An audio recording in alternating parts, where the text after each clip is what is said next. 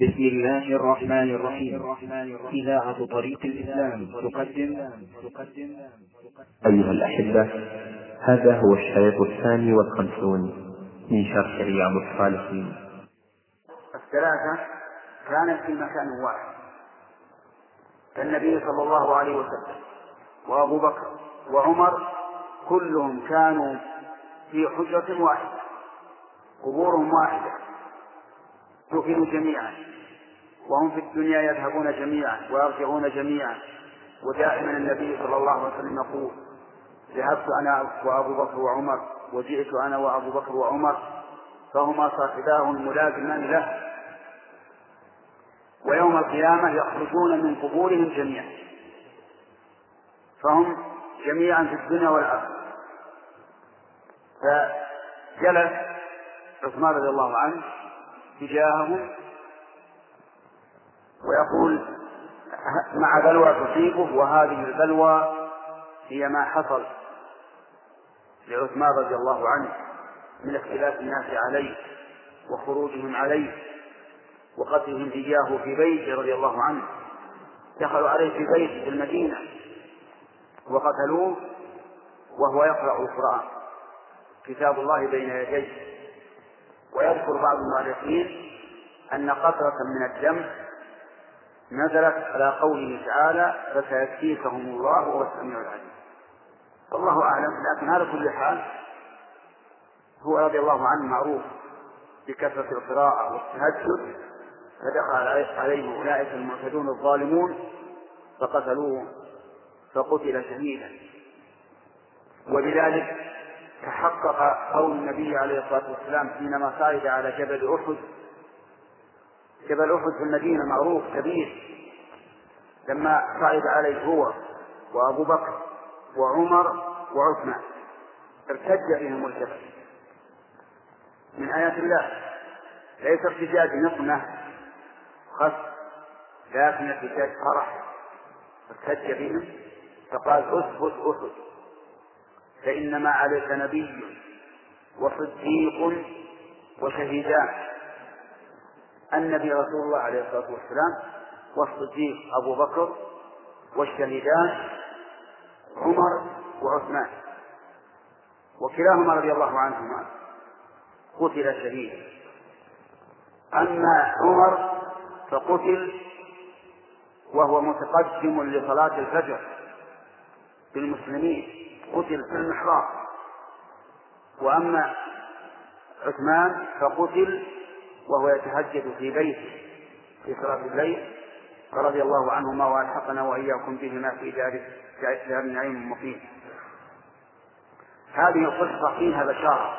الرسول قال دل وبشره بالجنة لأبي بكر وعمر وعثمان رضي الله عنهم جميعا.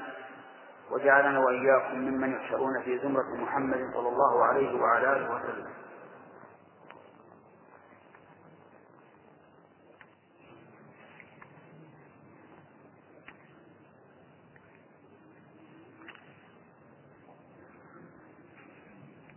بسم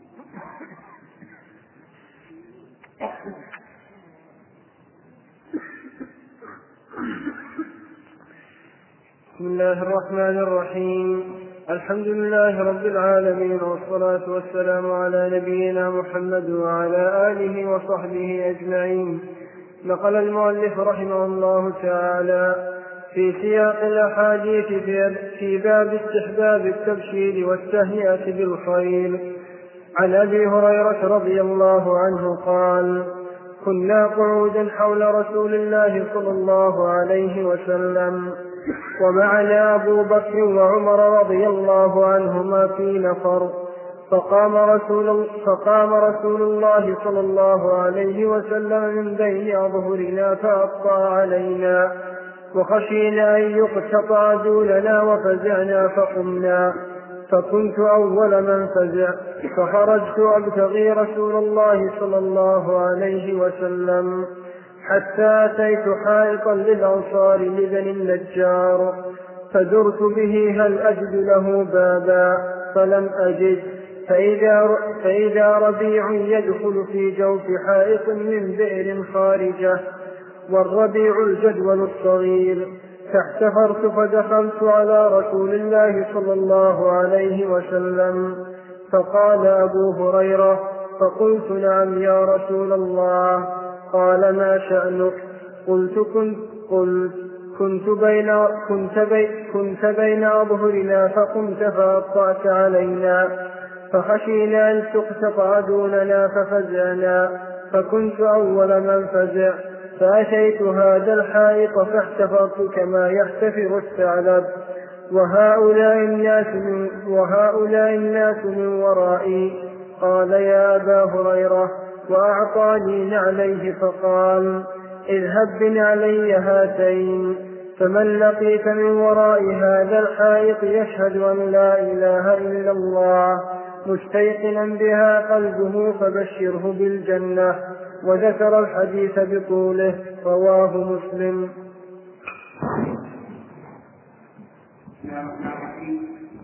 هذا الحديث الذي نقله المؤلف في رياض الصالحين في باب التبشير والتهنئة بالخير.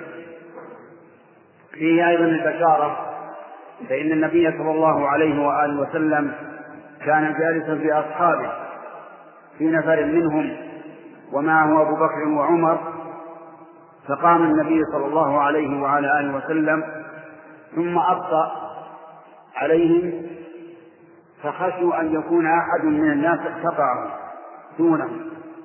لأن النبي صلى الله عليه وعلى آله وسلم مطلوب من جهة المنافقين ومن جهة غيرهم من أعداء الدين. فقاموا فزعين فكان أول من فزع أبوه أبا هريرة رضي الله عنه. حتى أتى حائطا لبني النجار فجعل يطوف به. لعله يجد بابا فلم يجد. ولعله أراد بابا مفتوحا فلم يجد. وإلا فمن المعلوم أن الحيطان لها أبواب. لا بد أن يكون لها أبواب لكن لعله مغلق. فوجد ثعلبا والثعلب الفتحة تكون في الجدار يدخل معها السيف. فاحتبى أبو هريرة فدخل حتى وجد النبي صلى الله عليه وعلى آله وسلم. فقال أبو هريرة قال نعم. فأعطاه نعليه عليه الصلاة والسلام وقال أخرج إلى الناس. فمن لقيت من الناس يشهد أن لا إله إلا الله مستيقنا بها قلبه فبشره بالجنة نسأل الله أن يجعلنا وإياكم منهم في الحياة وعند الممات. فخرج أبو هريرة رضي الله عنه ومعه النعلان نعلى رسول الله صلى الله عليه وعلى آله وسلم. وكأن النبي صلى الله عليه وعلى آله وسلم أعطاه النعلين أمارة وعلامة أنه صادق لأن هذه بشارة عظيمة وهو أن من قال أشهد أن لا إله إلا الله مستيقنا بها قلبه دخل الجنة. لأن الذي يقول هذه الكلمة مستيقنا بها قلبه لا بد أن يقوم بأوامر الله ويجتنب نواهي الله. لأنه يقول لا معبود حق إلا الله. وإذا كان هذا معنى الكلمة العظيمة فإنه لا بد أن يعبد الله عز وجل. أما من قالها بلسانه ولم يوقن بها قلبه والعياذ بالله فإنه لا فإنها لا تنفعه فها هم المنافقون يشهدون أن لا إله إلا الله. لكنهم لا يذكرون الله إلا قليلا ويقومون ويصلون لكن الصلاة ثقيلة عليهم وأفضلها صلاة العشاء والفجر. ويأتون للرسول عليه الصلاة والسلام يقول نشهد إنك لرسول الله ويؤكدون هذا. ولكن الله يقول والله يعلم إنك لرسوله والله يشهد إن المنافقين لكاذبون. لم تستيقن قلوبهم بلا إله إلا الله ولا بأن محمد رسول الله فلهذا لم تنفعهم. أما من استيقن بها قلبه فهذا هذه البشرى له. ولكن لا لا يمكن لإنسان يقول أشهد أن لا إله إلا الله وأن محمد رسول الله ويترك الفرائض. أبدا. ولهذا لا يكون هذا الحديث دليلا على أن تارك الصلاة لا يكفر. لا ليس فيه دلالة. لأن تارك الصلاة يكفر ولو قال أشهد أن لا إله إلا الله وأن محمدا رسول الله. لأنه يقول هذا من غير يقين. كيف يقولها من يقين ويترك الصلاة يحافظ على تركها والعياذ بالله؟ هذا لا يمكن. ولكن قد يرد على القلب وساوس من الشيطان. قد يرد على القلب وساوس من الشيطان. وساوس خطيرة في الله عز وجل. وهذه الوساوس لا تضر المؤمن شيئا. فإن النبي صلى الله عليه وعلى آله وسلم قال هذا طريق الإيمان. ومعنى هذا طريق الإيمان ليس معناه أن الوساوس طريق الإيمان لكن الوساوس دليل على على خالص الإيمان. لأن الشيطان يأتي إلى القلب الخالص الصريح الخالي من الشك ويوقع عليه الوساوس لعله يشك. أو لعله يفقد إيمانه فيأتي إلى القلب فإذا دافعه الإنسان وقال أعوذ بالله من الشيطان الرجيم الله الأول الآخر الظاهر الباطن الله الأحد الصمد الذي لم يلد ولم يولد ولم يكن له كفوا أحد وأعرض عن هذه الوساوس زالت عنه. والشيطان لا يمكن يأتي إلى قلب خراب ليفسده لأن القلب الخراب خراب. ويذكر أن ابن مسعود وابن عباس جاءوا إليه. جاء إليه الناس يقولون اليهود يقولون نحن لا نوسوس في الصلاة. يعني منهوج إذا دخلنا نصلي منهوج أبدا. فقال ابن عباس أو ابن مسعود وما يصنع الشيطان بقلب خراب.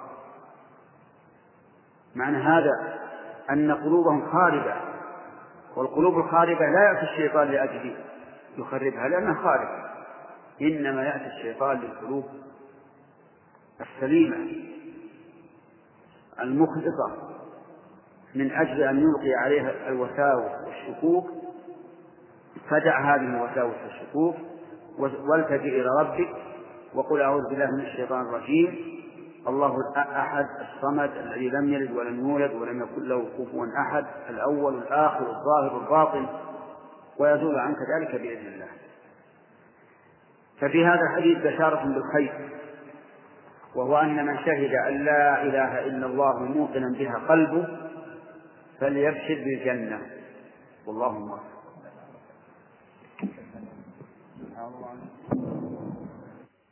بسم الله الرحمن الرحيم. الحمد لله رب العالمين والصلاة والسلام على نبينا محمد وعلى آله وصحبه أجمعين. نقل المؤلف رحمه الله تعالى في سياق الأحاديث في باب استحباب التبشير والتهنئة بالخير. عن أبي شماسة رضي الله عنه قال حضرنا عمرو بن العاص حضرنا عمرو بن العاص رضي الله عنه حضرنا عمرو بن العاص رضي الله عنه وهو في سياق الموت. فبكى طويلا وحول وجهه إلى الجدار. فجعل ابنه يقول يا بتاه أما بشرك رسول الله صلى الله عليه وسلم بكذا أما بشرك رسول الله صلى الله عليه وسلم بكذا? فأقبل بوجهه فقال إن أفضل ما نعد شهادة أن لا إله إلا الله وأن محمدا رسول الله. إني قد كنت على أطباق ثلاث. لقد رأيتني وما أحد أشد بغضا لرسول الله صلى الله عليه وسلم مني. ولا أحب, ولا أحب إلي من أن أكون قد استمكنت منه فقتلته. فلو مت على تلك الحال لكنت من أهل النار. فلما جعل الله الإسلام في قلبي أتيت النبي صلى الله عليه وسلم فقلت ابسط يمينك فلا أبايعك. فبسط فقلت ابسط يمينك فلأبايعك فبسط يمينه فقبضت يدي فقال ما لك يا عمرو قلت أردت أن أشترط قال تشترط ماذا؟ قلت عن أن يغفر لي. قال أما علمت أن الإسلام يهدم ما كان قبله وأن الهجرة تهدم ما كان قبلها وأن الحج يهدم ما كان قبله وما كان أحد أحب إلي من رسول الله صلى الله عليه وسلم ولا أجل في عيني منه. وما كنت أطيق أن أملأ عيني منه إجلالا له. ولو سئلت أن أصفه ما أطق لأني لم أكن أملأ عيني منه. ولو مت على تلك الحال لرجوت أن أكون من أهل الجنة. ثم ولينا ثم ولي ثم ولينا أشياء ما أدري ما حالي فيها.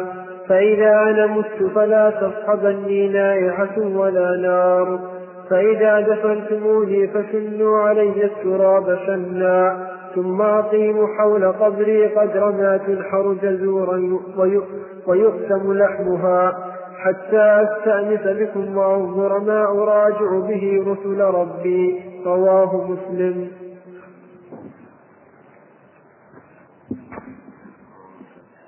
بسم الله الرحمن الرحيم. قال المؤلف النووي رحمه الله في سياق الأحاديث الواردة في التبشير والتهنئة بالخير. في حديث عمرو بن العاص رضي الله عنه في القصة العظيمة أنه حضره بعض أصحابه وهو في سياق في سياق الموت. فبكى بكاء شديدا وحول وجهه نحو الجدار رضي الله عنه. وهو الآن في سياق الموت لا يفارق الدنيا.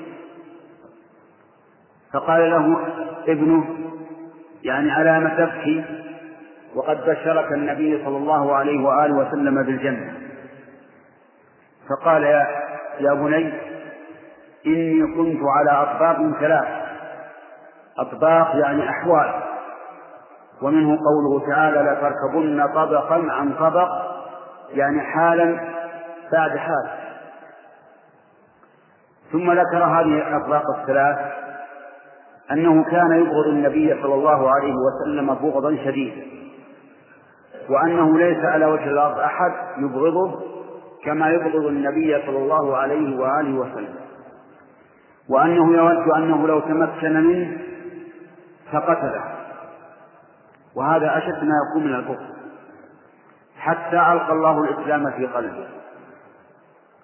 فجاء إلى النبي صلى الله عليه وعلى آله وسلم فقال يا رسول الله ابسط يدك فلأبايعك يعني مد يدك وبايع على الإسلام. وكان النبي صلى الله عليه وعلى آله وسلم أحسن الناس خلقا. فمد يده ولكن عمرو بن عاص كف يده. كف يده لا استكبارا ولكن استثباتا لما سيذكره. فقال له مالك قال يا رسول الله إني أشترط يعني على الإسلام قال ماذا تشترط؟ قال أشترط أن يغفر لي. وهذا أكبر هم رضي الله عنه. يشترط أن الله يغفر له. ظن أنه لن يغفر الله له لما كان له من سابقة. فقال له النبي صلى الله عليه وعلى آله وسلم أما علمت يا عمرو أن الإسلام يهدم ما كان قبله وأن الهجرة تهدم ما كان قبله وأن الحج يهدم ما كان قبله. ثلاثة أشياء. أما الإسلام فإنه يهدم ما قبله بنص الكتاب العزيز. قال الله عز وجل قل للذين كفروا إن ينتهوا يغفر لهم ما قد سلف وإن يعودوا فقد مضت سنة الأولين. والهجرة إذا هاجر الإنسان من بلده التي كان يعيش فيها وهي بلد الكفر هدمت ما قبله.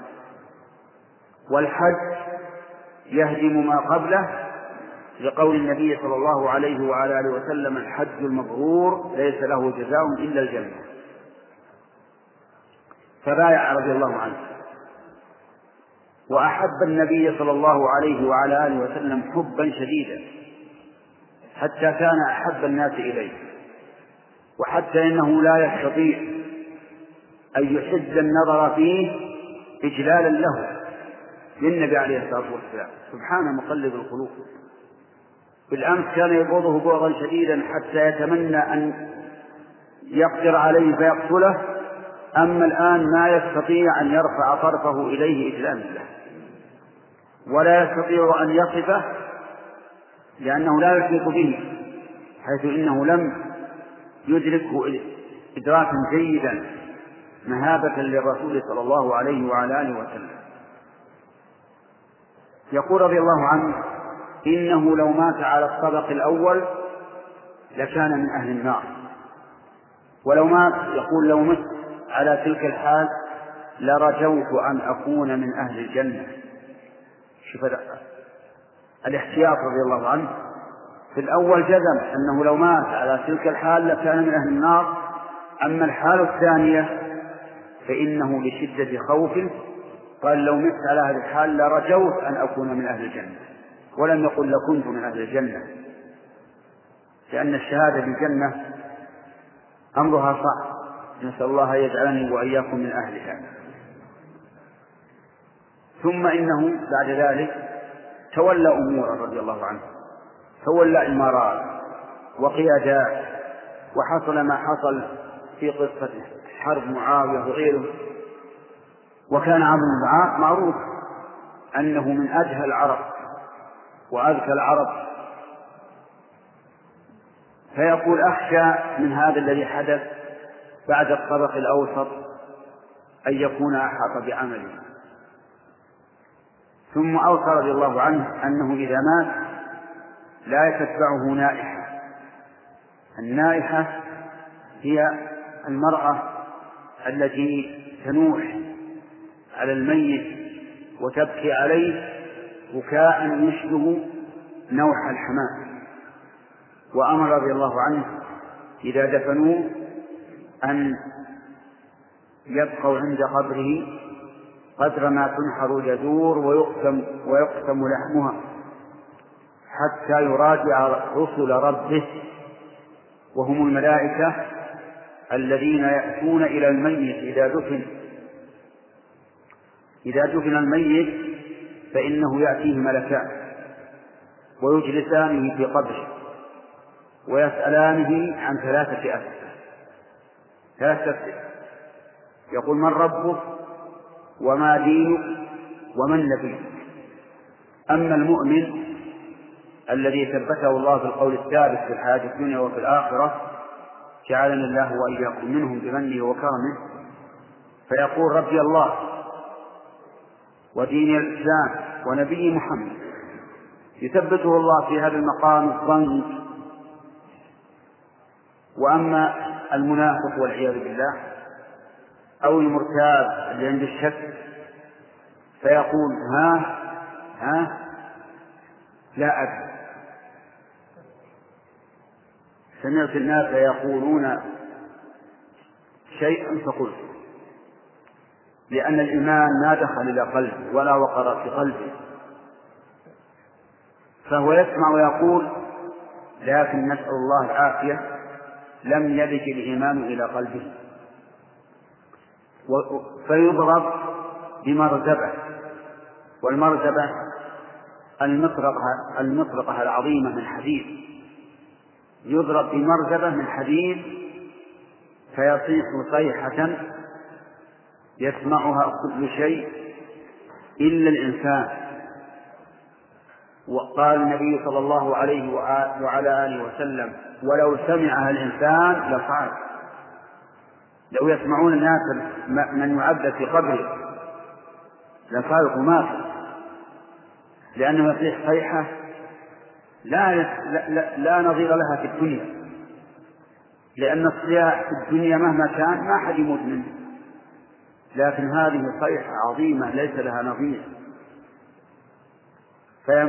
فيصيح صيحة يسمعها كل شيء إلا الإنسان ولو سمعها الإنسان لصعق.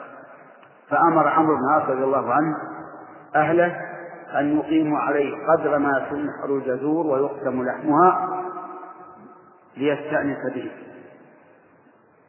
وهذا يدل على أن الميت يحس بأهله.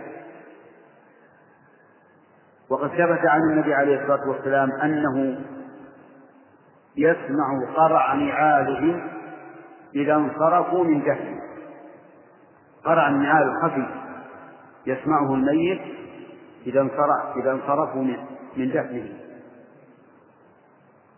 وقد ثبت عن النبي عليه الصلاة والسلام في حديث حسن أنه كان إذا دفن الميت وقف عليه وقال استغفروا لأخيكم واسألوا له التسجيل فإنه الآن يسأل. فيستحب إذا دفن الميت أن يقف الإنسان على قدره ويقول اللهم ثبت اللهم ثبت اللهم ثبت اللهم اغفر له اللهم اغفر له اللهم اغفر له. لأن النبي صلى الله عليه وعلى آله وسلم كان إذا سلم سلم ثلاثا وإذا دعا دعا ثلاثا. نسأل الله تعالى أن يثبتنا وإياكم بالقول الثابت في الحياة الدنيا وفي الآخرة. المهم أن ابن عمرو بن عاص قال له بشرك النبي صلى الله عليه وعلى آله وسلم بالجنة وهذا من باب البشارة بالخير والتهنئة به. والله موفق. اللهم لا بسم الله الرحمن الرحيم. الحمد لله رب العالمين والصلاة والسلام على نبينا محمد وعلى آله وصحبه أجمعين. قال رحمه الله تعالى باب وداع الصاحب ووصيته عند فراقه للسفر وغيره والدعاء له وطلب, وطلب الدعاء منه. قال الله تعالى ووصى بها إبراهيم بنيه ويعقوب. يا بني إن الله اصطفى لكم الدين فلا تموتن إلا وأنتم مسلمون. أم كنتم شهداء إذ حضر يعقوب الموت؟ إذ قال لبنيه ما تعبدون من بعدي قالوا نعبد إلهك وإله آبائك إبراهيم وإسماعيل وإسحاق إلها واحدا. ونحن له مسلمون. وأما الأحاديث فمنها حديث زيد بن أرقم رضي الله عنه الذي سبق في باب إكرام أهل بيت رسول الله صلى الله عليه وسلم. قال قام رسول الله صلى الله عليه وسلم فينا خطيبا فحمد الله وأثنى ووعظ وذكر ثم قال أما بعد. ألا أيها الناس إنما أنا بشر يوشك أن يأتي رسول ربي فأجيب وأنا تارك فيكم ثقلين أولهما كتاب الله فيه الهدى والنور فخذوا بكتاب الله واستمسكوا به فحث على كتاب الله ورغب فيه ثم قال وأهل بيتي أذكركم الله في أهل بيتي رواه مسلم.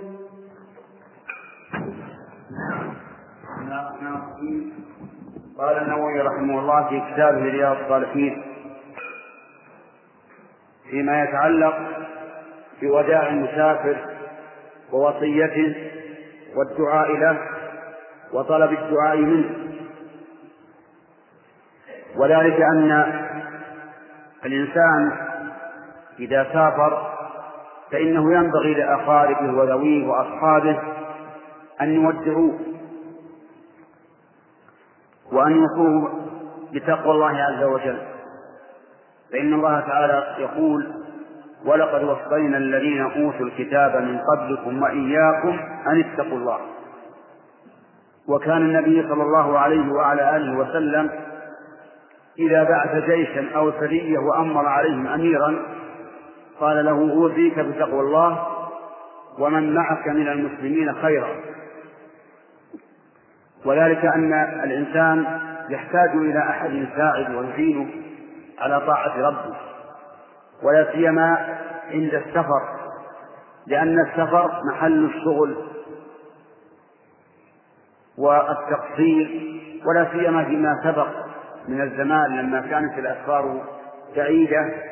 على المطايا وعلى الأقدام فالناس يحتاجون إلى وصية وإلى تثبيت وإلى إعانة. ثم ذكر المؤلف رحمه الله تعالى الآيات الواردة في ذلك. فقال ووصى بها إبراهيم بنيه ويعقوب يا بني إن الله اصطفى لكم الدين فلا تموتن إلا وأنتم مسلمون.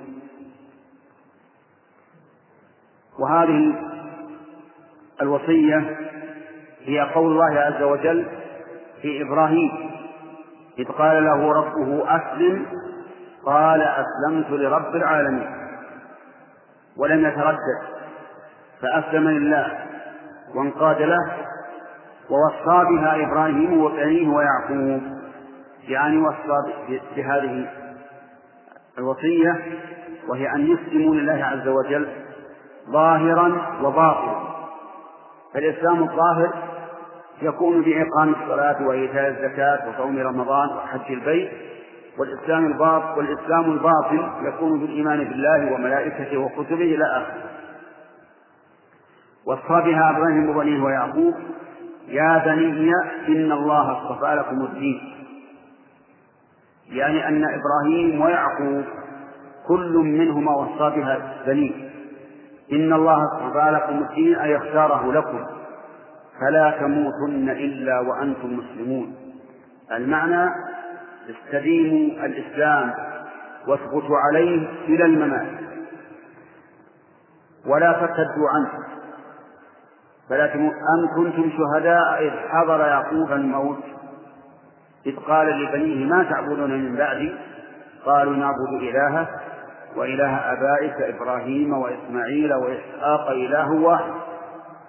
وهذا غاية التوحيد.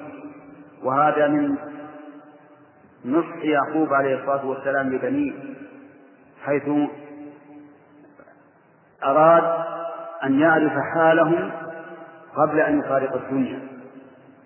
ما تعبدون من بعدي؟ قالوا نعبد إلهك وإله آبائك إبراهيم وإسماعيل وإسحاق. أما إبراهيم فهو أبوه يعني جده وإسحاق أبوه لصلبه. وأما إسماعيل فهو عمه. لكن أطلق عليه لفظ الآباء من باب التغليب. لأن العم صنو الأب كما قال النبي صلى الله عليه وعلى وسلم لعمر أما علمت أن عم الرجل صنو أبيه؟ يعني شريكه في الأصل والجذر. والصنو هو عبارة عن النخلتين يكون أصلهما واحدا وهما قرينتان ويسمى عند العامة القرائن. وقوله إله واحدا من باب التوكيد ونحن له مسلمون. هذه الوصية ينبغي للإنسان أن يوصي بها من, من أراد سفرا. وأن يوصي بها أهله وأن يتعاهدهم عليها لأنها هي التي عليها بناء كل شيء. فلا فلا دين بدون إخلاص ولا عبادة بدون إخلاص ولا اتباع بدون إخلاص. كل شيء مبناه على الإخلاص لله عز وجل. اللهم إنا نسألك أن تجعلنا ممن يعبدك مخلصين لك الدين يا رب العالمين. بسم الله الرحمن الرحيم. الحمد لله رب العالمين والصلاة والسلام على نبينا محمد وعلى آله وصحبه أجمعين. نقل المؤلف رحمه الله تعالى في سياق الأحاديث في باب وداع الصاحب ووصيته عند فراقه للسفر وغيره والدعاء له وطلب الدعاء منه. عن مالك بن الحويرث رضي الله عنه قال أتينا رسول الله صلى الله عليه وسلم ونحن شببة متقاربون فأقمنا عنده عشرين ليلة وكان رسول الله صلى الله عليه وسلم رحيما رفيقا فظن أنا قد اشتقنا أهلنا فسألنا عمن تركنا من أهلنا فأخبرناه فقال ارجعوا إلى أهليكم فأقيموا فيهم وعلموهم ومروهم وصلوا صلاة كذا في حين كذا. وصلوا كذا في حين كذا في حين كذا. فإذا حضرت الصلاة فإذا حضرت الصلاة فليؤذن لكم أحدكم وليؤمكم أكبركم. فإذا حضرت الصلاة فليؤذن لكم أحدكم وليؤمكم أكبركم. متفق عليه. زاد البخاري في رواية له وصلوا كما رأيتموني أصلي.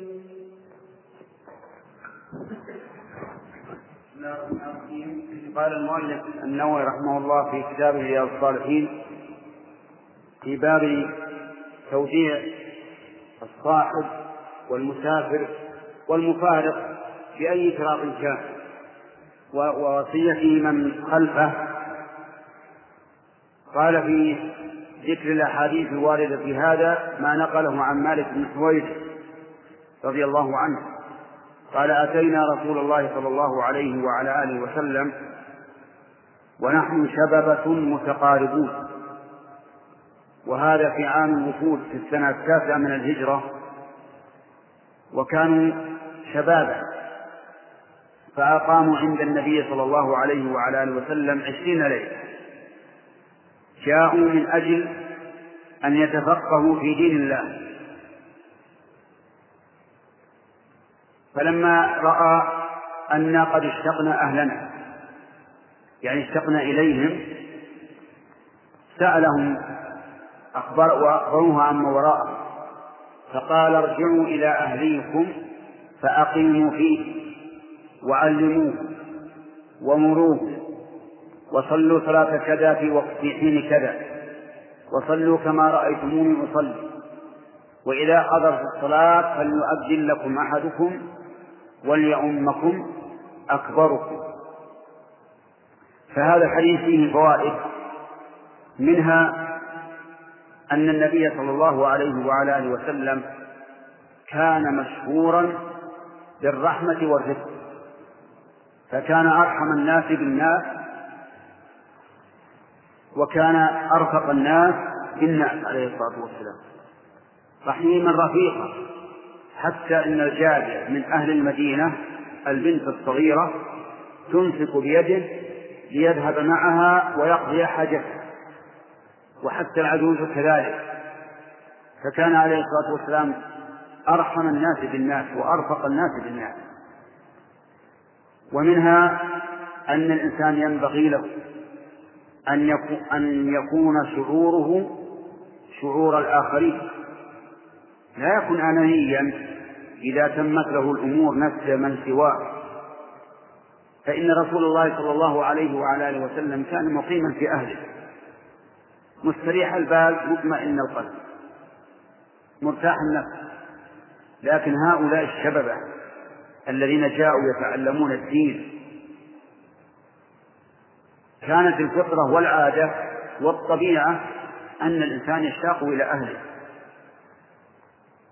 لما رأى أنهم اشتاقوا إلى أهلهم وسألهم من خلفوا ما وراءهم وأخبروه أمرهم أن يرجعوا إلى أهلهم فأنت ينبغي لك أن تشعر بشعور الآخرين وأن تفرض نفسك كأنك إياهم حتى تعاملهم بما تحب أن تعامل به نفسك.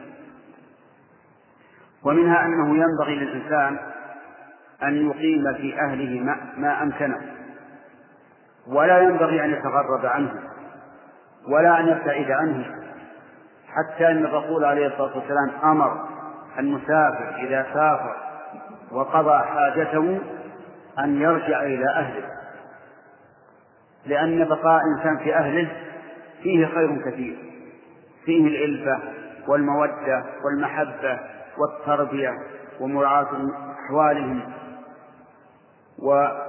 والتأديب والتوجيه.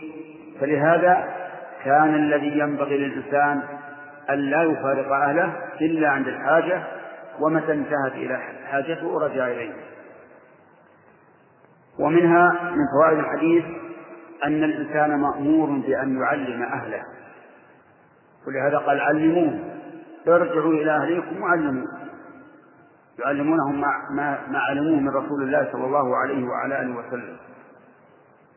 فالإنسان ينبغي له أن يعلم أهله ما يحتاجون إليه إما أن يجعل جلسة خاصة لهم أو إذا جلسوا على الطعام أو على الشراب أو في انتظار النوم أو ما أشبه ذلك يعلمه.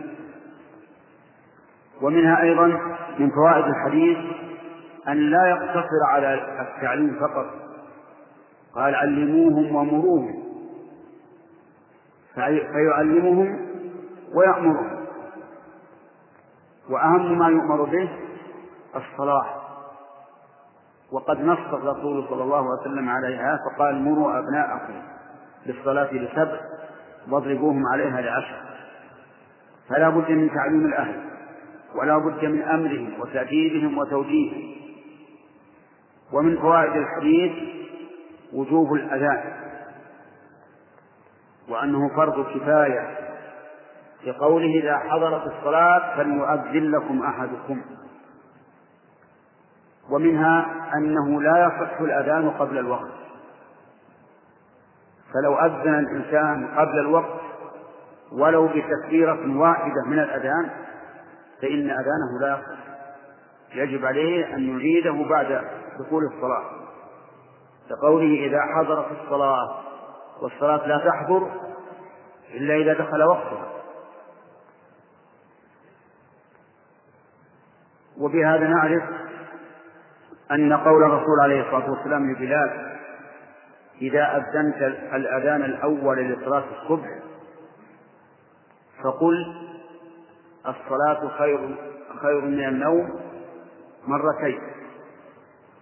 أن المراد بذلك الأذان الذي يكون بعد دخول الوقت. لأنه قال الأول لصلاة الصبح خلافا لما فهمه بعض الناس من أن المراد بذلك الأذان الذي يكون قبل الفجر. لأن الأذان الذي يكون قبل الفجر ليس أذانا لصلاة الفجر. فقد بين الرسول عليه الصلاة والسلام أن الأذان الذي يكون قبل الفجر أنه لإيقاظ النائم وإرجاع القائم فقال إن بلالا يؤذن بليل ليوقظ نائمكم ويرجع قائمكم. فكلوا واشربوا حتى يؤذن ابن أم مكتوم فإنه لا يؤذن حتى يطلع الفجر. هكذا قال النبي صلى الله عليه وعلى آله وسلم.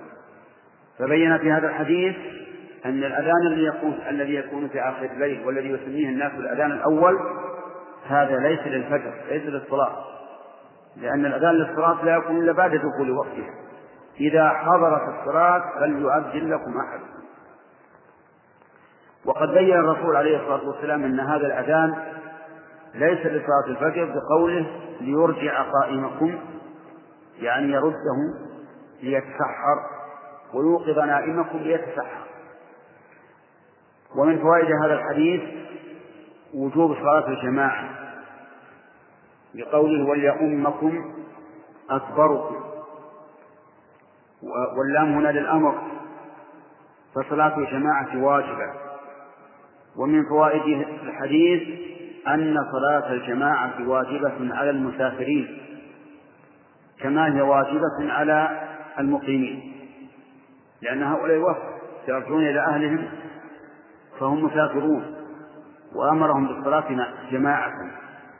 وعلى هذا فإذا كان الإنسان في البلد وهو مسافر فإنه يجب عليه أن يحضر الجماعة في المساجد.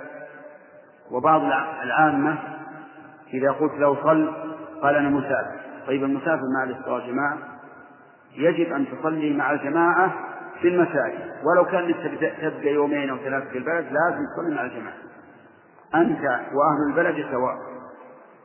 قال النبي عليه الصلاة والسلام لرجل أتسمع النداء؟ قال نعم. قال فأجب. ومن فوائد هذا هذا الحديث تقديم الكبير في الإمامة كقوله وليؤمكم أكبركم وهذا لا ينافي قوله عليه الصلاة والسلام يؤم القوم أقرأهم لكتاب الله لأن هؤلاء الشباب كلهم وفدوا في في وقت واحد. والظاهر أن قراءة أن أنه ليس بينهم فرق فرق بين في قراءة القرآن وأنهم متقاربون ليس بعضهم أقرب من بعض ولهذا قال وليؤمكم أكبركم لأنهم متساوون في القراءة أو متقاربون.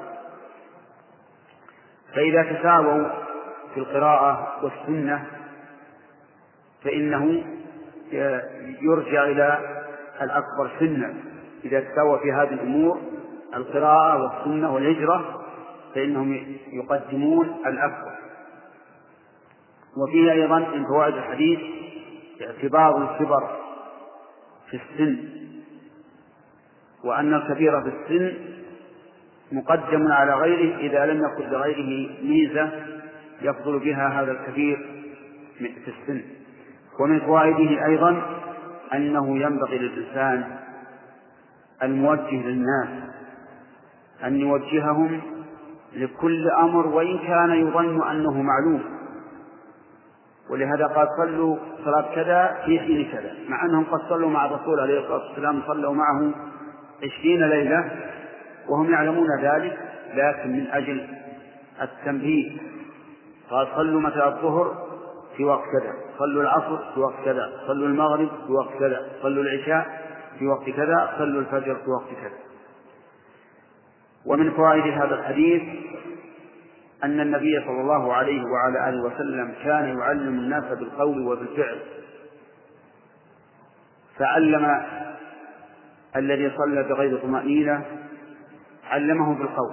قال إذا قمت إلى الصلاة فأسبغ الوضوء ثم أستقبل القبلة فكبر ثم اقرأ ما تيسر معك من القرآن ثم اركع إلى آخره.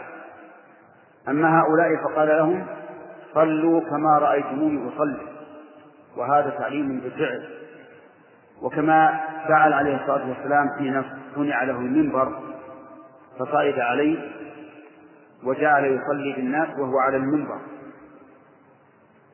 فيركع وهو على المنبر فإذا أراد السجود نزل من المنبر وهو مستقبل القبلة ثم سجد. وقال لما سلم إنما فعلت هذا لتأتموا بي ولتعلموا صلاتي. ومن فوائد هذا هذا الحديث أنه ينبغي للإنسان بل يجب على الإنسان أن يعرف كيف كان النبي صلى الله عليه وعلى آله وسلم يصلي. فيقرأ من كتب العلم التي كتبها من يوثق بعلمه كيف كان الرسول صلى الله عليه وعلى آله وسلم يصلي حتى ينفذ أمر الرسول في قوله صلوا كما رأيتموني أصلي والله موفق. بسم الله الرحمن الرحيم. الحمد لله رب العالمين والصلاة والسلام على نبينا محمد وعلى آله وصحبه أجمعين. نقل المؤلف رحمه الله تعالى في سياق الأحاديث في باب وداع الصاحب ووصيته عند فراقه للسفر وغيره والدعاء له وطلب الدعاء منه. عن عمر عن عمر بن الخطاب رضي الله عنه قال استأذنت النبي صلى الله عليه وسلم في العمرة فأذن وقال لا تنسانا يا أخي من دعائك فقال كلمة ما يسرني أن لي بها الدنيا. وفي رواية قال أشركنا يا أخي في دعائك. رواه الترمذي وقال حديث حسن صحيح.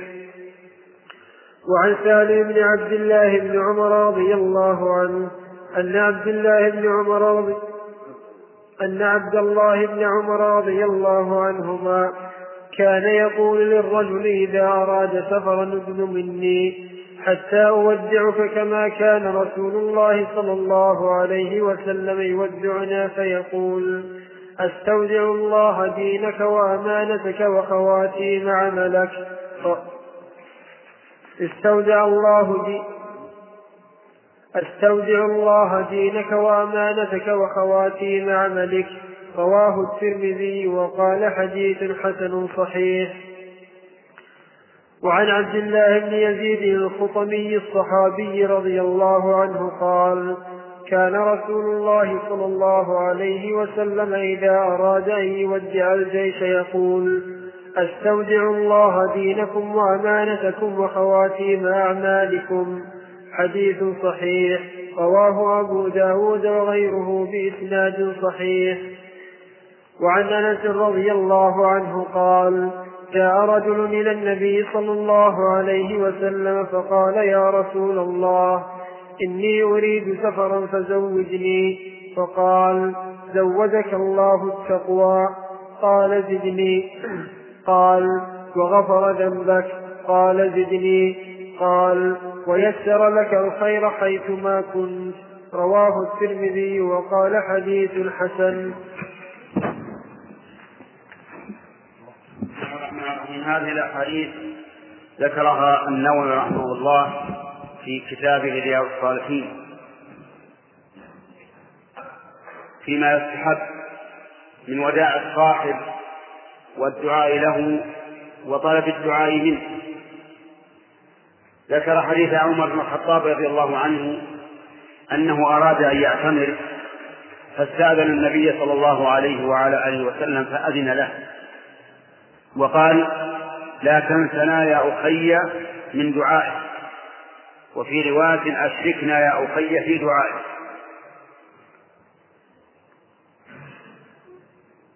وذكر أن الترمذي أخرجه وقال إنه حسن صحيح ولكن الحقيقة أنه ضعيف وأنه لا يصح عن النبي صلى الله عليه وعلى آله وسلم. وطلب الدعاء من الغير ينقسم إلى أقسام. القسم الأول أن أن يطلب من الغير الدعاء لصالح لصالح المسلمين أي لشيء عام. فهذا لا بأس به. وقد دخل رجل يوم الجمعة والنبي صلى الله عليه وعلى آله وسلم يخطب فقال يا رسول الله هلكت الأموال؟ وانقطعت السبل فادعوا الله يغيثنا. فرفع يديه وقال اللهم أغثنا اللهم أغثنا اللهم أغثنا. فأنشأ الله سحابة فانتشرت وتوسعت وأمطرت ولم ينزل النبي صلى الله عليه وعلى آله وسلم من المنبر إلا والمطر يتحاذر من لحيته. وبقي المطر أسبوعا كاملا. وفي الجمعة الثانية دخل رجل آخر أو الأول فقال يا رسول الله غرق المال وتهدم البناء فادعو الله يمسكها عنا فرفع يديه وقال اللهم حوالينا ولا علينا وجعل يشير إلى النواحي حوالينا ولا علينا فما فما يشير إلى ناحية إلا انفرجت وتميز تمايز السحاب حتى خرج الناس يمشون بالشمس فإذا طلبت من شخص صالح مرجو الإجابة شيئا عاما للمسلمين فهذا لا بأس به. لأنك لم تسأل لنفسك مثل مثل ما لو أن فقيرا جاء إليك يطلب منك الشفاعة إلى شخص ليعطيه أو مدينا جاء يطلب إليك الشفاعة يطلب منك الشفاعة إلى شخص ليقضي دينه فشفعت فإن هذا لا بأس به لأن المصلحة لغيره. القسم الثاني أن يطلب الدعاء من الرجل الصالح من أجل أن ينتفع الرجل بهذا الدعاء. ولا يهمه هو أن ينتفع لكن يحب من هذا الرجل الذي طلب منه الدعاء أن يلتفت إلى الله وأن يسأل الله عز وجل وأن يعلق قلبه بالله وأن يعلم أن الله سبحانه وتعالى سمع الدعاء. المهم أن يكون قصده مصلحة هذا الرجل فهذا لا بأس به أيضا لأنك لم تسأله لمحض ولكن لنفعه أيضا. فهذا الرجل الصالح تريد أن يزداد خيرا بدعاء الله عز وجل والتقرب إليه والأجر والثواب. القسم الثالث أن يطلب الدعاء من الغير لمصلحة نفسه هو. فهذا أجازه بعض العلماء. وقال لا بأس أن تطلب من الرجل الصالح أن يدعو لك. لكن شيخ الإسلام رحمه الله ابن تيمية يقول لا ينبغي. إذا كان قصدك مصلحة نفسك فقط لأن هذا قد يدخل في المسألة المذمومة. لأن النبي صلى الله عليه وسلم بايع أصحابه ألا يسألوا الناس شيئا. ولأنه ربما يعتمد هذا السائل الذي سأل من غيره أن يدعو له يعتمد على دعاء هذا الغير وينسى أن يدعو هو لنفسه. يقول أنا ابن فلان وهو رجل صالح ادعو الله عليه. ولم وإذا استجاب الله هذا الدعاء فهو كافر. فيعتمد على غيره. ولأنه ربما يلحق المسؤول غرور في نفسه. وأنه رجل صالح تطمح الناس إلى دعائه أو يطمح الناس إلى دعائه فيحصل في هذا ضرر على المسؤول. وعلى كل حال هذا القسم الثالث مختلف فيه. فمن العلماء من قال لا بأس أن تقول للرجل الصالح يا فلان ادعو الله لي. ومنهم من قال لا ينبغي. والأحسن أن لا تقول ذلك لأنه ربما يمن عليك بهذا وربما تدل أمامه بسؤاله. ثم إنك من من الذي يحول بينك وبين ربك؟ أنت يا أخي ادعو الله أنت بنفسك لنفسك. لا أحد يحول بينك وبين الله. لماذا تذهب تفتقر إلى غيرك تقول ادعو الله لي؟ وأنت ليس بينك وبين ربك واسطة قال الله تعالى وقال ربكم ادعوني أستجب لكم. والله موفق. بسم الله الرحمن الرحيم. الحمد لله رب العالمين والصلاة والسلام على نبينا محمد وعلى آله وصحبه أجمعين. قال رحمه الله تعالى باب الاستخارة والمشاورة. قال الله تعالى وشاورهم في الأمر وقال تعالى وأمرهم شورى بينهم عن جابر بن عبد الله رضي الله عنه قال كان رسول الله صلى الله عليه وسلم يعلمنا الاستخارة في الأمور كلها كالسورة من القرآن يقول إذا هم أحدكم بالأمر فليركع ركعتين من غير الفريضة ثم ليقل اللهم إني أستخيرك بعلمك وأستقدرك بقدرتك وأسألك من فضلك العظيم فإنك تقدر ولا أقدر وتعلم ولا أعلم وأنت علام الغيوب. اللهم إن كنت تعلم أن هذا الأمر خير لي في ديني ومعاشي وعاقبة أمري. أو قال عاجل أمري وآجله فاقدره, فاقدره لي ويسره لي ثم بارك لي فيه. وإن كنت تعلم أن هذا الأمر شر لي في ديني ومعاشي وعاقبة أمري. أو قال عاجل أمري وآجله فاصرفني عني فاصرفه عني واصرفني عنه. واقدر لي الخير حيث كان ثم ربني به. قال ويسمي حاجته رواه البخاري.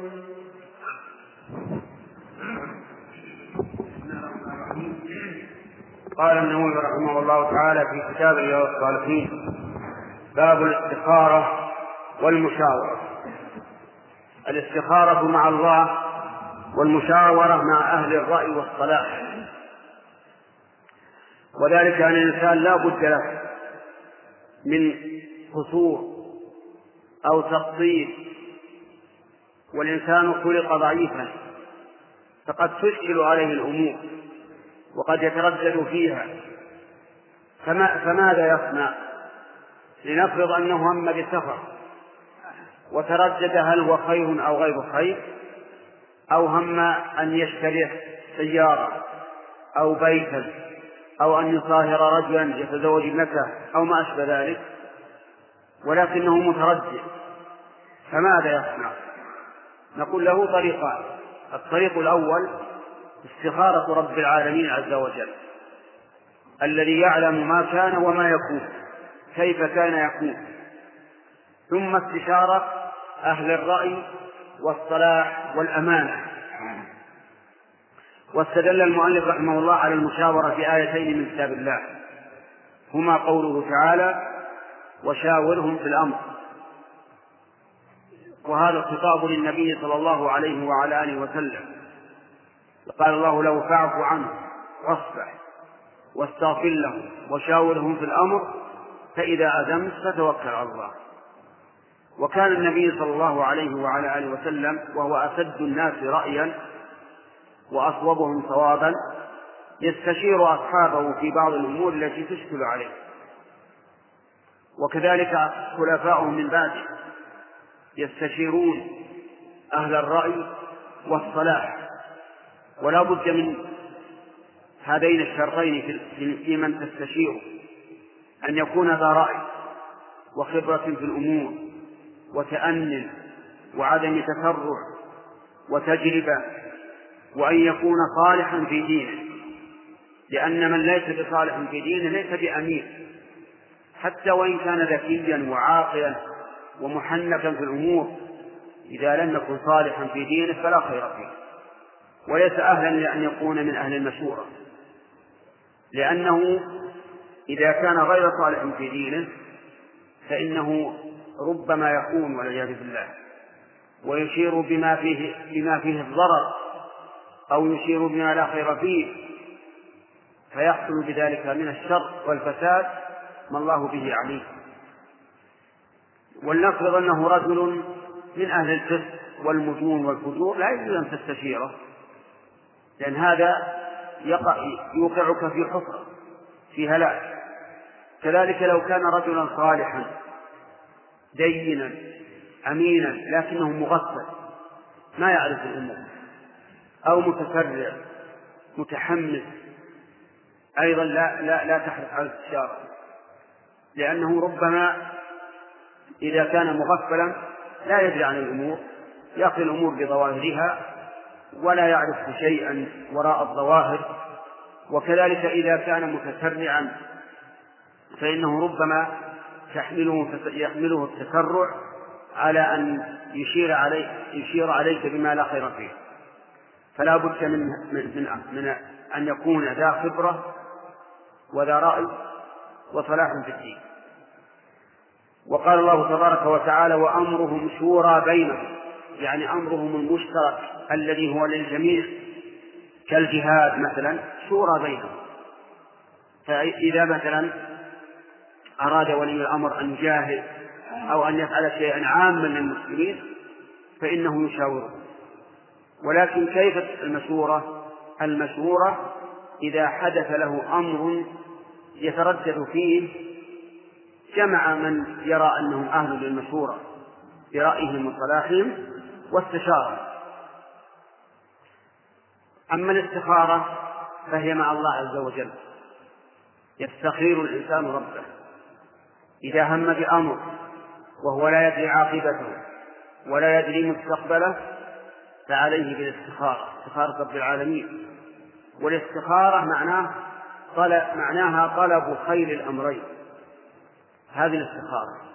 وقد أرشد النبي صلى الله عليه وعلى آله وسلم إلى ذلك بأن يصلي الإنسان ركعتين من غير الفريضة في غير وقت النهي إلا في أمر يخشى فواته قبل خروج وقت النهي فلا بأس أن يستخير ولو وقت النهي. أما ما كان فيه الأمر واسعا فلا يجوز أن يستخير وقت النهي. يعني بعد العصر لا يستخير بعد الفجر حتى تطلع الشمس قدر لا يستخير عند زوالها حتى تزول لا يستخير إلا في أمر عليه فوات يصلي ركعتين من غير الفريضة. ثم يسلم. وإذا سلم قال اللهم إني أستخيرك بعلمك. وأستقدرك بقدرتك وأسألك من فضلك العظيم. فإنك تعلم ولا أعلم فإنك تقدر ولا أقدر أقدر وتعلم ولا أعلم وأنت علام الغيوب. اللهم إن كان هذا الأمر ويسميه مثلا لنقل أنه يريد أن يصهر أناسا يتزوج بنته اللهم إن كنت تعلم أن زواجي بهذه البنت خير لي في ديني ومعاشي وعاقبة أمري. أو قال عاجل أمري وآجله يعني إما تقول هذا أو هذا فاقدره لي ويسره لي. وإن كنت تعلم أنه شر لي في ديني ومعاشي وعاقبة أمري أو قال عاجل أمري وآجله فاصرفه عني واصرفني عنه واقدر لي الخير حيث كان ثم رضني به. وينتهي. ثم بعد ذلك إن انشرح صدره في أحد الأمرين بالإقدام أو الإحكام فهذا المطلوب. يأخذ ما ينشرح يأخذ بما ينشرح به صدره. فإن لم ينشرح صدره لشيء وبقي مترددا أعاد الاستخارة مرة ثانية. وثالثة ثم بعد ذلك المشورة. إذا لم يتبين له شيء بعد الاستخارة فإنه يشاور أهل الرأي والصلاح ثم ما أشير عليه به فهو الخير إن شاء الله. لأن الله تعالى قد لا يجعل في قلبه في الاستخارة ميلا إلى شيء معين حتى يستشير فيجعل الله تعالى ميل قلبه بعد المشورة. وقد اختلف العلماء هل المقدم المشورة أو الاستخارة.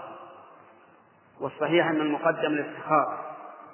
قدم أولا الاستخارة لقول النبي صلى الله عليه وسلم إذا هم أحدكم بالأمر فليقل فليصلي ركعتين إلى آخره. فقدم أولا الاستخارة. ثم إذا كررتها ثلاث مرات ولم يتبين لك الأمر فتستشر ثم ما أشير عليك به فقد يكون هذا الذي استخاره الله هذا الذي جعله الله لك فخذ به.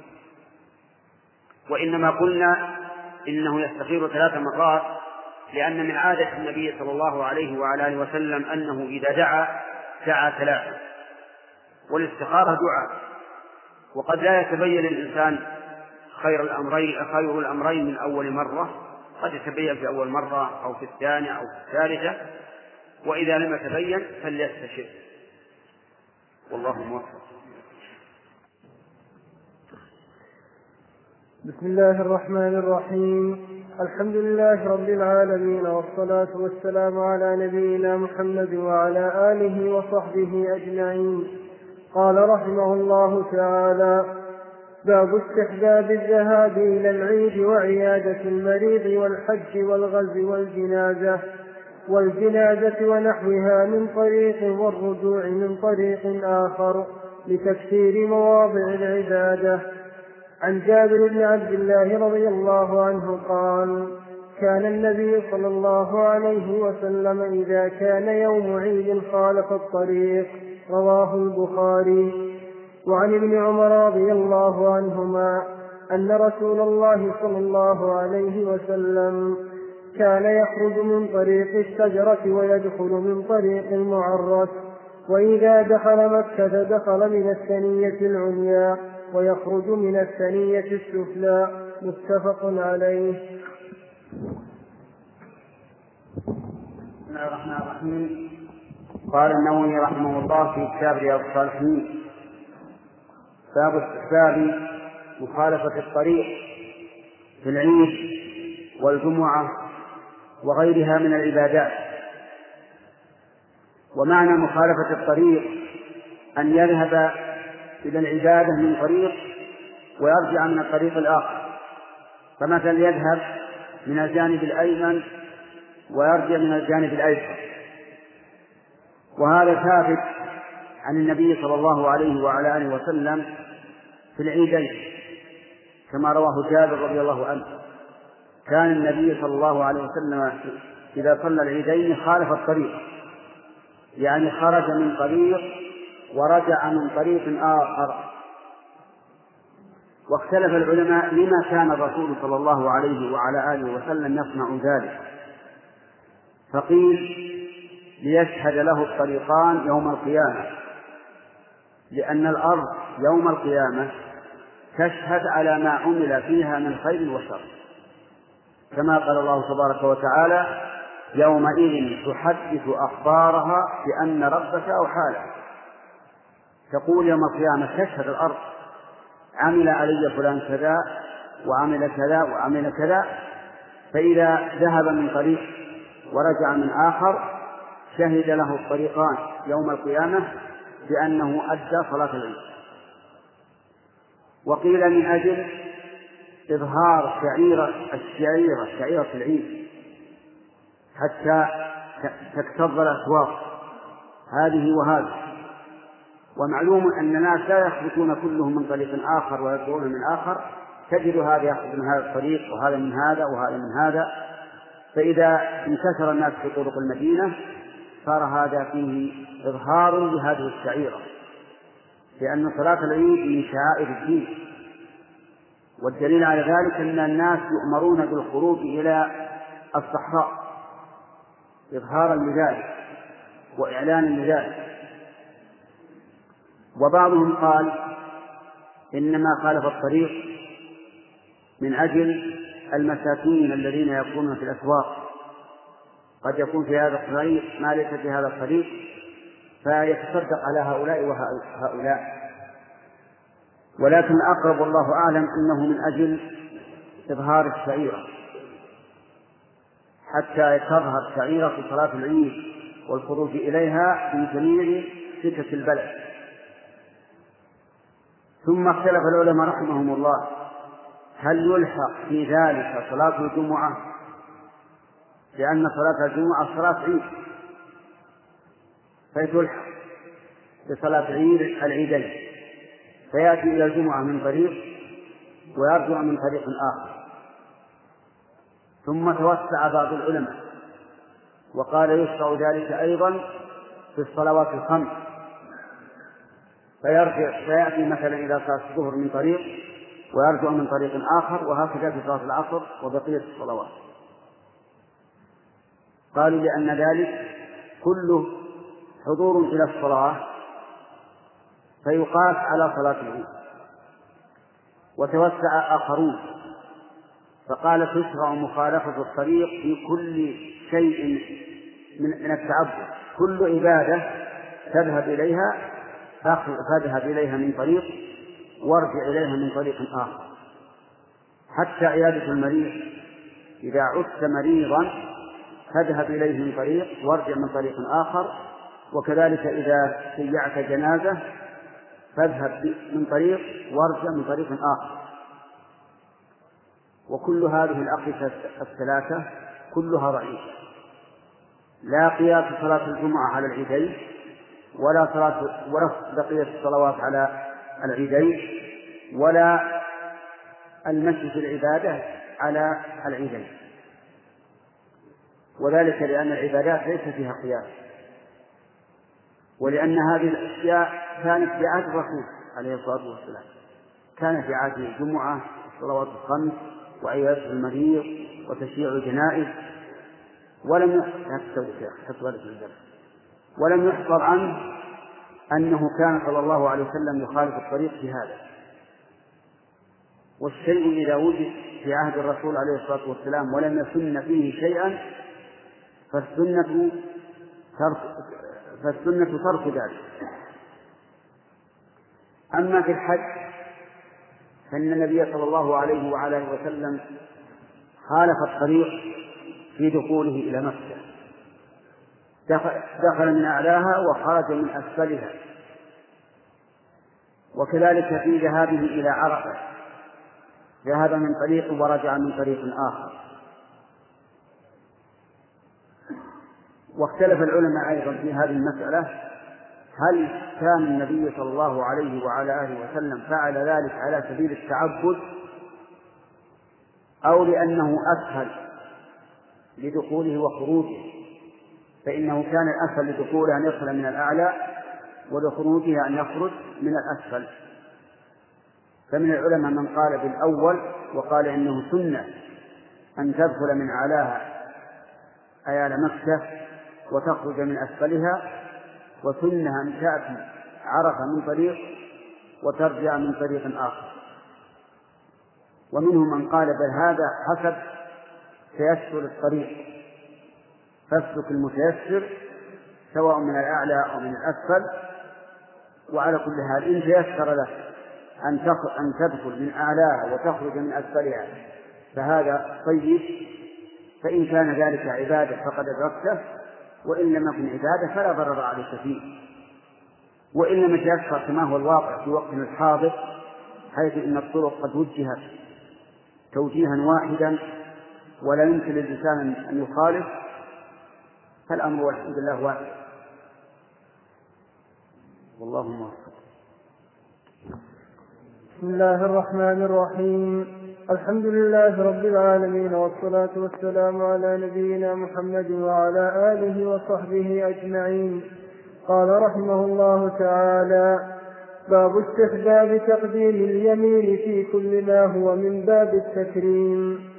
كالوضوء والغسل والتيمم ولبس الثوب.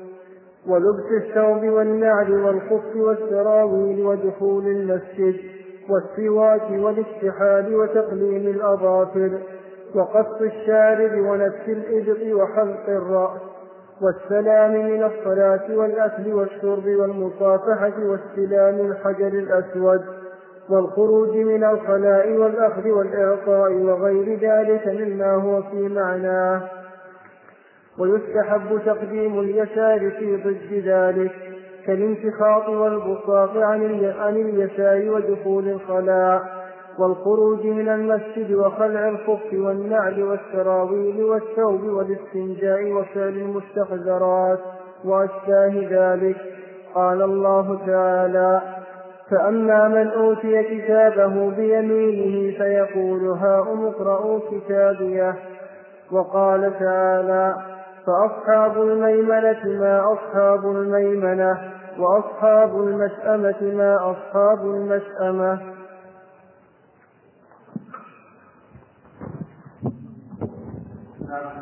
قال المؤلف رحمه الله تعالى باب استحباب البداءة باليمين في كل ما من شأنه التكريم والعكس بالعكس فما يقصد به الإهانة فإنه يبدأ باليد اليمنى وقد ذكر المؤلف رحمه الله في هذا أشياء متعددة. الوضوء مثل الوضوء والغسل والتيمم ولبس الثوب. فالوضوء يبتدئ فيه الإنسان باليمين. يبتدئ يبتدئ باليمنى قبل اليسرى.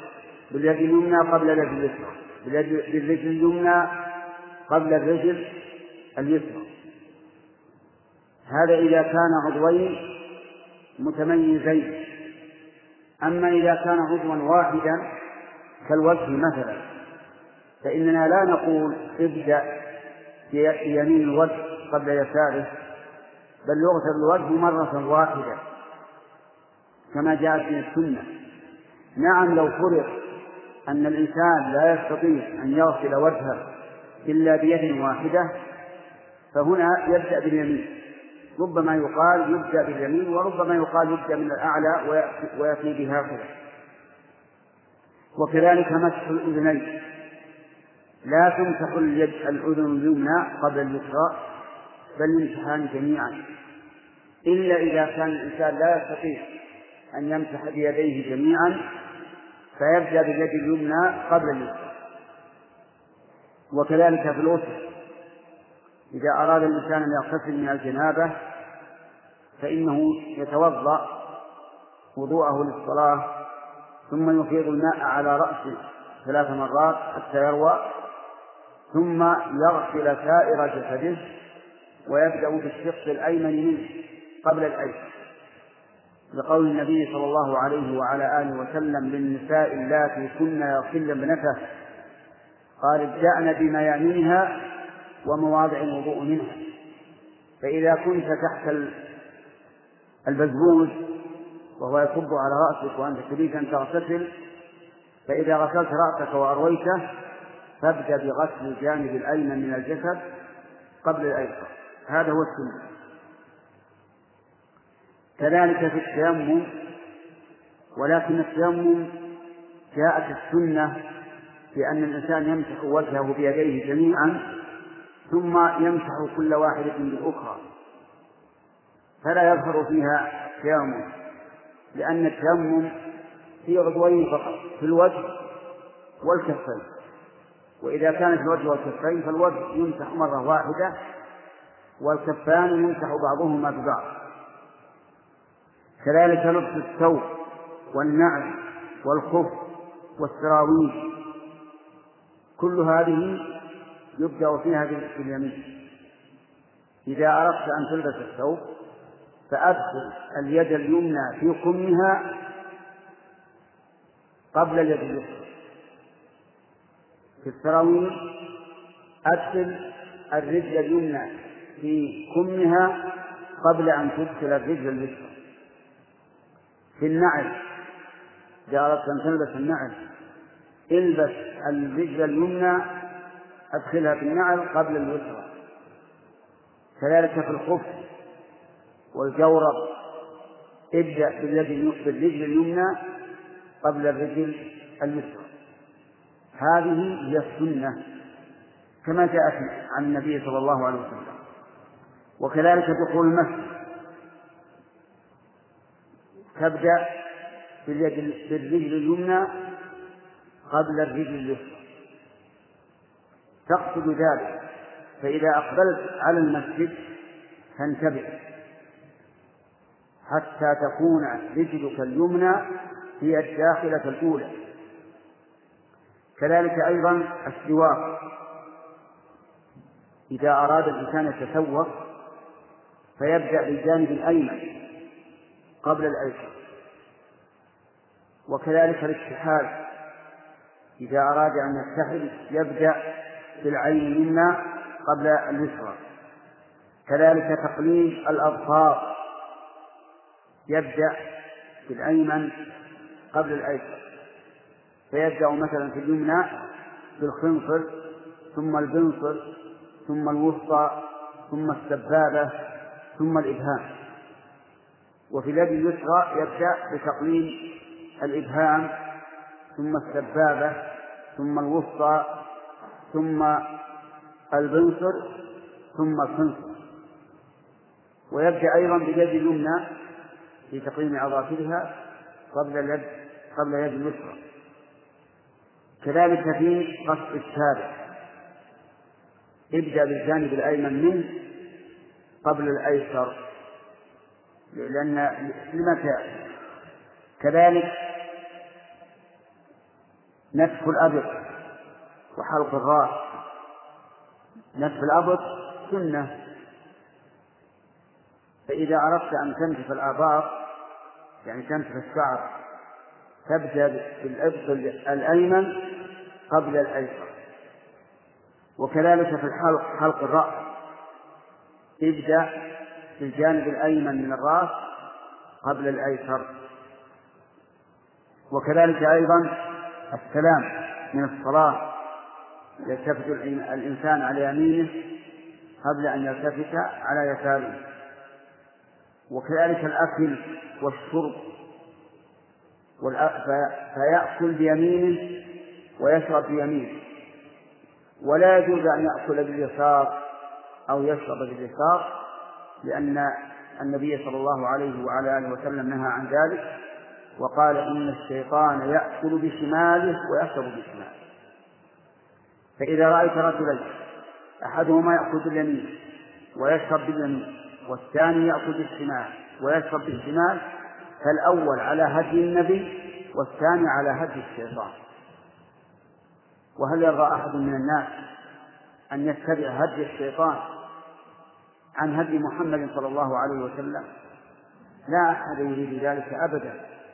لكن الشيطان يزين للناس الأكل بالشمال والشرب بالشمال وربما بعض الناس يظن أن هذا تقدم وحضارة لأن الغربيين الكفرة يقدمون اليسار على اليمين. ولهذا يجب على الإنسان أن يأكل باليمين ويشرب باليمين إلا للضرورة. ويجب علينا أيضا أن نعلم أولادنا الصغار أن يأكلوا باليمين ويشربوا باليمين. كذلك المصافحة المصافحة يصافح باليمين ولا يصافح باليسار. فإن مد إليك يده اليسرى للمصافحة فلا تصافح. اهجره لأنه اختلاف السنة. إلا إذا كانت اليد اليمنى شلاء لا يستطيع أن يحركها فهذا عذر. كذلك استلام الحجر الأسود وكذلك استلام الركن اليماني يكون باليمين. استلام الحجر الأسود والركن اليماني أن تمسح عليهما فهنا تمسح باليمين. ونحن نرى الآن بعض. بعض الطائفين يمسح باليسرى. والغالب أن هذا جهل منهم. فإذا رأيت أحد يمسح الركن اليماني أو الحجر الأسود باليد اليسرى فنبهه. قل هذا ليس من الإكرام. ليس من إكرام بيت الله أن تمسح الركن اليماني أو الحجر الأسود باليد اليسرى بل امسحه باليد اليمنى. كذلك الخروج من الخلاء. يعني إذا دخلت حمام لقضاء الحاجة بول أو غائط ثم ثم خرجت فقدم الرجل اليمنى. لأن خارج الخلاء أحق بالتكريم من الخلاء. فإذا خرج ابدأ بالرجل اليمنى. كذلك الأخ والإعطاء وغير وغير ذلك. الأخ والإعطاء يعني إذا أردت أن تناول صاحبك شيئا فناوله باليمن وإذا أردت أن تأخذ منه شيئا ناولك إياه فخذه باليمنى هذا هو هذه أخلاق الإسلام. لكن بعض الناس يناولك باليسار ويأخذ منك باليسار. ظنا منها أن هذا هو التقدم. لأن الكفرة يأخذون باليسار ويعطون باليسار. وسبحان الله العظيم. أصحاب الشمال لهم الشمال. لأن الكفر هم أصحاب الشمال. والمؤمنون هم أصحاب اليمين. ولهذا تجد الكافر دائما يفضل اليسار لأنه أهل اليسار وأهل الشمال. فهو من أهل اليسار في الدنيا وفي الآخرة والعياذ بالله. إذا كل هذه الأمور ابدأ فيها باليمين وكذلك غيرها مما يقصد به التكريم كل شيء للتكريم فإنه يبدأ فيه باليمين.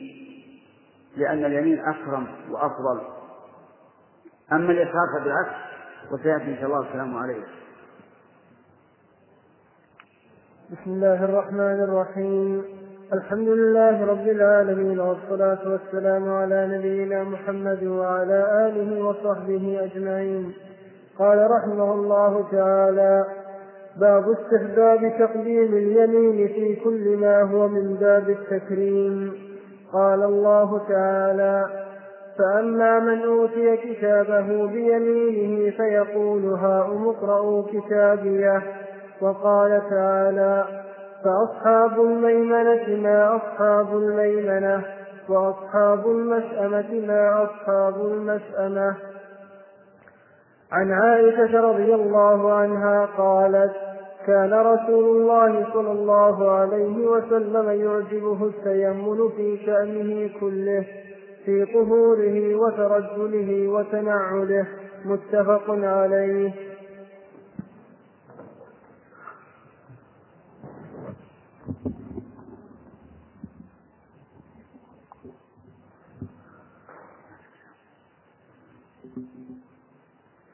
بسم الله الرحمن الرحيم. تقدم لنا مسائل ذكرها النووي رحمه الله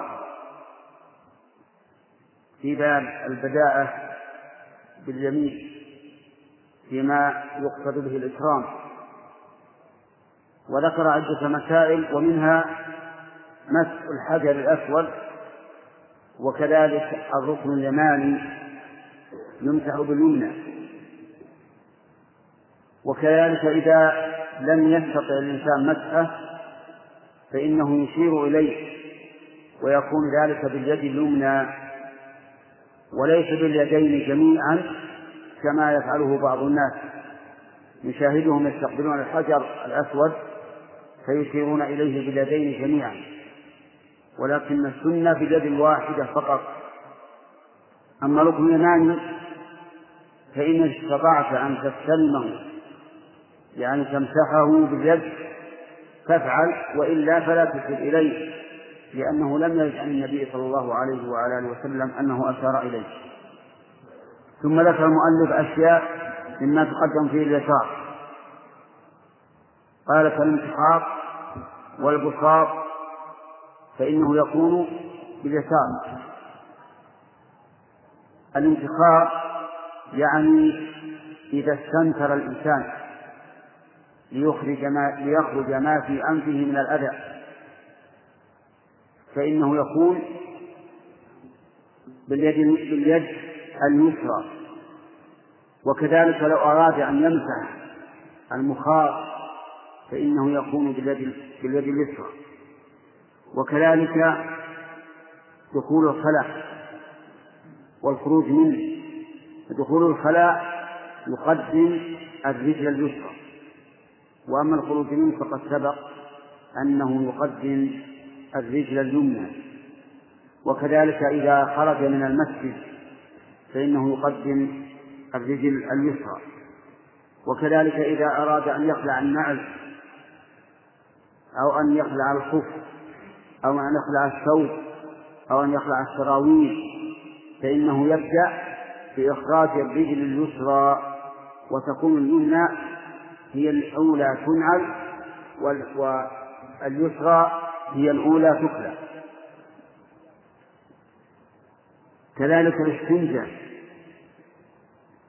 يكون باليد اليسرى.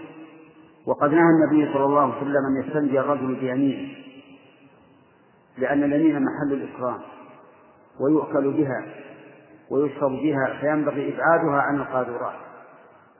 وكذلك كل شيء مستقذر فإنه يكون باليد اليسرى. وأما اليمنى فهي يكون فيه الإكرام ولغيره مما لا إكرام فيه ولا إهانة. فاليسرى تكون للأذى واليمنى لما سواه. واعلم أن الناس عندما خرجت الساعات التي تعلق باليد صاروا يلبسونها باليد اليسار. من أجل أن تبقى اليد اليمنى طليقة ليس فيها ساعة يتأذى بها الإنسان عند الحركة لأن حركة اليمنى أكثر من حركة اليسرى ويحتاج الإنسان للحركة اليمنى أكثر. فكانوا يجعلونها في اليد اليسرى لأن ذلك أسهل ولأنه إذا كانت اليد اليمنى هي التي يكون فيها العمل غالبا ربما تتعرض الساعة لشيء يضرها. فلذلك جعلوها باليسار. وقد ظن بعض الناس أن الأفضل جعلها في اليمين بناء على تقديم اليد اليمنى ولكن هذا ظن ليس مبنيا على على صواب. لأنه ثبت عن النبي صلى الله عليه وسلم أنه كان يتختم بيمينه ويتختم أحيانا بيساره وربما كان تختمه بيساره أكثر ليسهل أخذ الخاتم باليد اليمنى من اليد اليسرى. والساعة أقرب ما تكون للخاتم. فلا تفضل فيها اليمنى على اليسرى ولا اليسرى على اليمنى الأمر في هذا واسع. إن شئت باليمين وإن شئت باليسار كل هذا لا حرج فيه.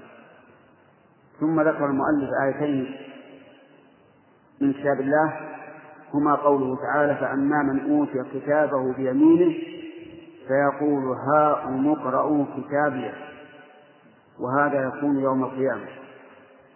فإن الناس يؤتون كتبهم أي كتب أعمالهم التي كتب فيها عمل الإنسان إما باليمين وإما بالشمال.